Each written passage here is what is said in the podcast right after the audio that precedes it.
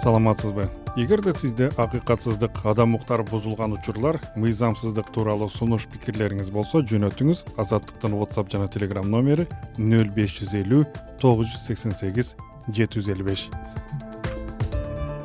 Азаттыкка жалал абад облусунун сузак районуна караштуу көк жаңгак шаарынан шакир кимсанов суроо салат ал он бешинчи мартта бир килограммы жетимиш сомдук кумшекер менен бир литри жүз отуз сомдук өсүмдүк май аймактарга жеткирилет деген өкмөттүн маалыматын угуп бирок сузак жана жалал абад шаарына чейин барып ал азыктарды таппай келгенин айтат. Угарманыбыз өкмөттүн арзандатылган азыктары базарда сатылып жатканын көргөнүн белгилейт. Жалал абадка жетип бардык он сегизинде. Анан кийин барып издеп каерде кумшекер берилет каерде май берилет десек эч ким билбейт. А базарга кирсек чайкоочулар кумшекерди үчтөн төрттөн капты үстүнө минип отуруп алышыптыр ак майларды болсо катарынан тизип коюптур суу майды анан кайдан алдыңар? десек бизге өздөрү алып келип берди дейт. Э кечээ радиодо ушундай деп айтты. Ошо базага түшүрөт. Ошону сурап аталарбыз жок бизге өзү алып келип берди анан эми канчадан сатасыңар? десек токсондон кээ бирлери бир жүз беш сомдон сатып атат да кумшекерди а бизге радиодон айткан кумшекердин килограммы алтымыш беш сомдон бир адамга бир килодон берилсин суу май болсо бир литрден берилсин анын баасы бир жүз йыгырма беш сом деген. А барсак суу май болсо сегиз жүз тогуз жүз болуп калыптыр баклажкасы беш литрлиги. А кумшекер болсо арзан сатканы токсон сом кыймат сатканы бир жүз беш сомдон сатып атат. Сиз азыр жалал абад шаарында гана айттыңыз э ооба шаарында гана айттым. А көк жаңгактагы базарга түштүңүзбү бааны көрүш үчүн? Салыш канча болуп атат?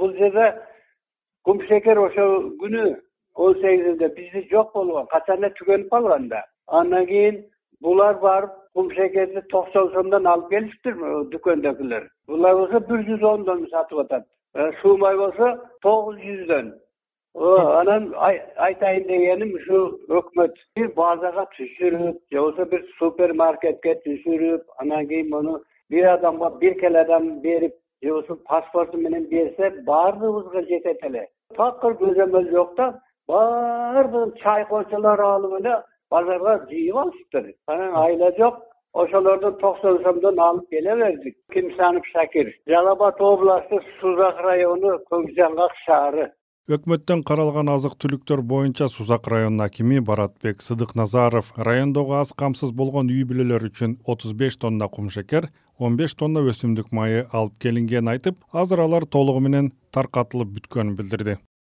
Э, мамлекет баарын коюп берди жүз отуз э, жетимиш сом. Жетимиш шекер жүз отуз май. Алып келип э, айыл өкмөттөргө бердик. Булар аз камсыз болгон үй бүлөлөргө алып барып акчасына арзан баадагы деп туруп таратып беришти. Бул мындай көчөгө чыгып саттырган жокпуз базарга берген жокпуз э, ошо айыл өкмөттөр тизме менен жетишинче таратып беришти. Коммерсанттарга берилбейт да аны кантип беребиз? Коммерсанттарга берсек кошуп сатпайбы? Андан көрө ошо айыл өкмөттөргө биз жер жерине таратып соц адистер менен соц защитанын кызматкерлери менен чогуу көзөмөлдөп сатышып атат. Айтып атпайбы анан коммерсанттар барсак бизге өкмөттөр берди шаарга. ал жаран эме кылсын? Бизге кайрылсын биздин телефонду билет. Же болбосо көк жаңгактын мэриясына барса э, соц адистери бар ошолорго кайрылса эгер тизмеде жакыр үй бүлө аз камсыз болгон үй бүлөнүн тизмегинде болсо арзандатылган шекер майдан алат. Баардан таратып бердиңиздер же дагы деле барбы? Таратып бердик почти калбай калды го азыр дагы жетимиш тонна э, немеде бар экен мат резервде эгер э, алсаңар дагы алып кеткиле деп атат. Азыр спрос ошо майга болуп атат возможно дагы жетимиш тоннаны алып келип элге таратып берсекпи деп атабыз ошол. Баасы арзандатылган азыктар тууралуу элде суроолор болсо сузак районунун мамлекеттик администрациясына кайрылуусу керек. Сузак районунда он миңден ашуун үй бүлө жөлөк боло алат отуз миң пенсионер бар ал эми өтө жакыр жашаган үй бүлөлөрдүн саны райондо үч миңден ашуун белгилеп кетсек он бешинчи мартта өзгөчө кырдаалдар министри бообек ажыкеев маалымат жыйынында кыргызстанда кумшекер менен өсүмдүк майынын баасы арзандай турганын билдирген. Ал бир миллион килограмм кумшекер менен беш жүз миң литр өсүмдүк майы өлкөдөгү соода уюмдарына таратыла баштаганын маалым кылган сиз угуп жаткан азаттык радиосу эфирде эл үнү берүүсү. Микрофондо сабыр абдымомунов. Эл үнү whatsapp номерине бишкектен чынар базаржанова кайрылуу калтырган. Ал оорукчан агасы жеңиш шабиков укуктук жактан жардамга муктаж экенин айтып учурда бишкекте туруктуу жашаган жери жок күнүмдүк кара жумуштарга тартылып жүргөнүнө тынчсызданат чынар базаржанованын айтымында алардын жети өгүз районундагы үйү алар бала кезде эле атасы каза болгондон кийин сатылып кеткенин азыр агасына таандык жер тилкеси да үлүш аянты да жок көчөдө калганын кошумчалады. Күнүмдүк эле ар ким пайдаланып эле иштетип акысын берсе берет бербесе жок ушундай эле бир өтө оор абалда үйлөнөйүн жашайын дейт бул даже үйлөнүп көргөн эмес. Бул эми эртең бир күнү ооруп калып же бир бир жакта калып калса буну жөн эле бир адамдар ыргытып ийеби бул өзү бирөөнүн көңүлүн оорутпайт эч кимге жамандык кылбайт ушундай жакшы адамдар ушинтип эч кандай колдоо көрбөй жатат да. Такыр каттоодон чыгып калыптыр. Э, бул эчтекеси жок да. Эми азыр бирөөнүн э, бир сааттык жумушу барбы мына ошондо иштейт. Э, көп адамдар иштетип мунун өзүнүн эмесинен пайдаланып акыларын бербей ушинтип эле бир баягы ит жандуу жашоодо болуп турат да үйлөнөйүн дейт. Бара турган жери жок алып бара турган жери жок жок дегенде социалдык абалына бир жардам берген адамдар жок. Айыл өкмөттөргө барып үлүшүнүн дагы дайыны жок үлүшү кайда экенин билбейт. Бир метр жер тилкеси жок. Биз жеңиш шабиков менен байланышып суроо салганыбызда жыл өткөн сайын саламаттыгы оорлошуп баратканын ушул мезгилге чейин турак жай алууга кудурети жетпегенин кичи мекени саруу айылына барганда ага жер тилкеси каралбаганын маалым кылды. Шаарда күнүмдүк жашоо квартирада турам эмне иш кыласыз? эми майда чүйдө жарпылактан жарпылакка жетпейт да сиз билесиңер зарплатам аз үйүм деле жок жерим деле жок өзүм жети өгүз саруу деген айылдан болот. Ошол жакта туулуп өскөм жерим деле жок. Ошо эмнеге ошо убагында жериңиз жок болуп калган экен? Сурадыңыз беле мурда? Жок мен буга чейин деле сурап бир жолу баргам барсам жер жок аркы берки деген ошо жериң болуп үй эме кылсаң карайт элең карап аркы берки кылып ошол жак айыл эле жакшы өзүм жалаң стройкада жүрөм майда чүйдө жумушта эле иштейм жер болсо жакшы болот эле азаттык жети өгүз районунун саруу айыл өкмөтүнүн тиешелүү адистерине кайрылып жеңиш шабиковго караштуу жер аянты тууралуу сураштырды. Натыйжада жакын арада боло турган жер трансформациялоо иштеринен кийин жер тилке бериле турган адамдардын тизмесине шабиков да кошулганын айыл аймак башчысы алишер нурбеков өзү билдирди. Тайтасынын колунда чоңоюптур азыр тактадык ошо колубуздан келишинче эми жардам берели айыл өкмөт тарабынан. Участок бергенге жардам берели кандай документтерди топтош керек? Э, гос регистрдан жери жок деген справка алат.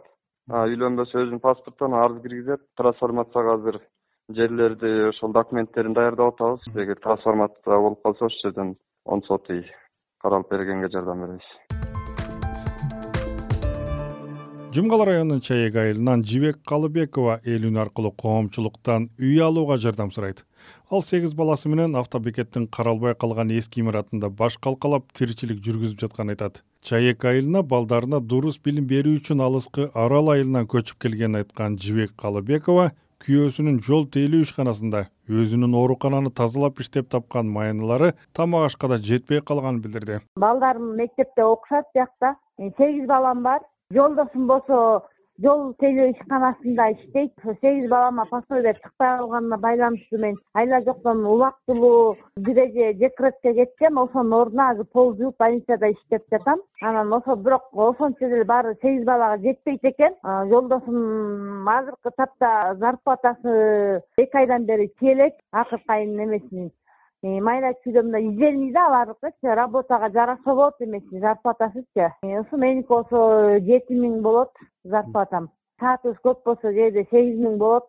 Саатыбыз аз болсо жети миң алты жарым жети миң алам. Мен эме да жумгал районунун эмеси жоюлуп кеткен автобаза деген мекемечи илгери автобустниктер каттачы алар жоюлуп кеткенине байланыштуу ошонун конторасында жашайм менчик үй иш деле жок да. Автобазада жашайм ал деле мындай аябай условиясы начар суу жок. Мал салымда эч нерсем жок анан пособиямды чектейин десем ошо пособия мага чектелбей келет да.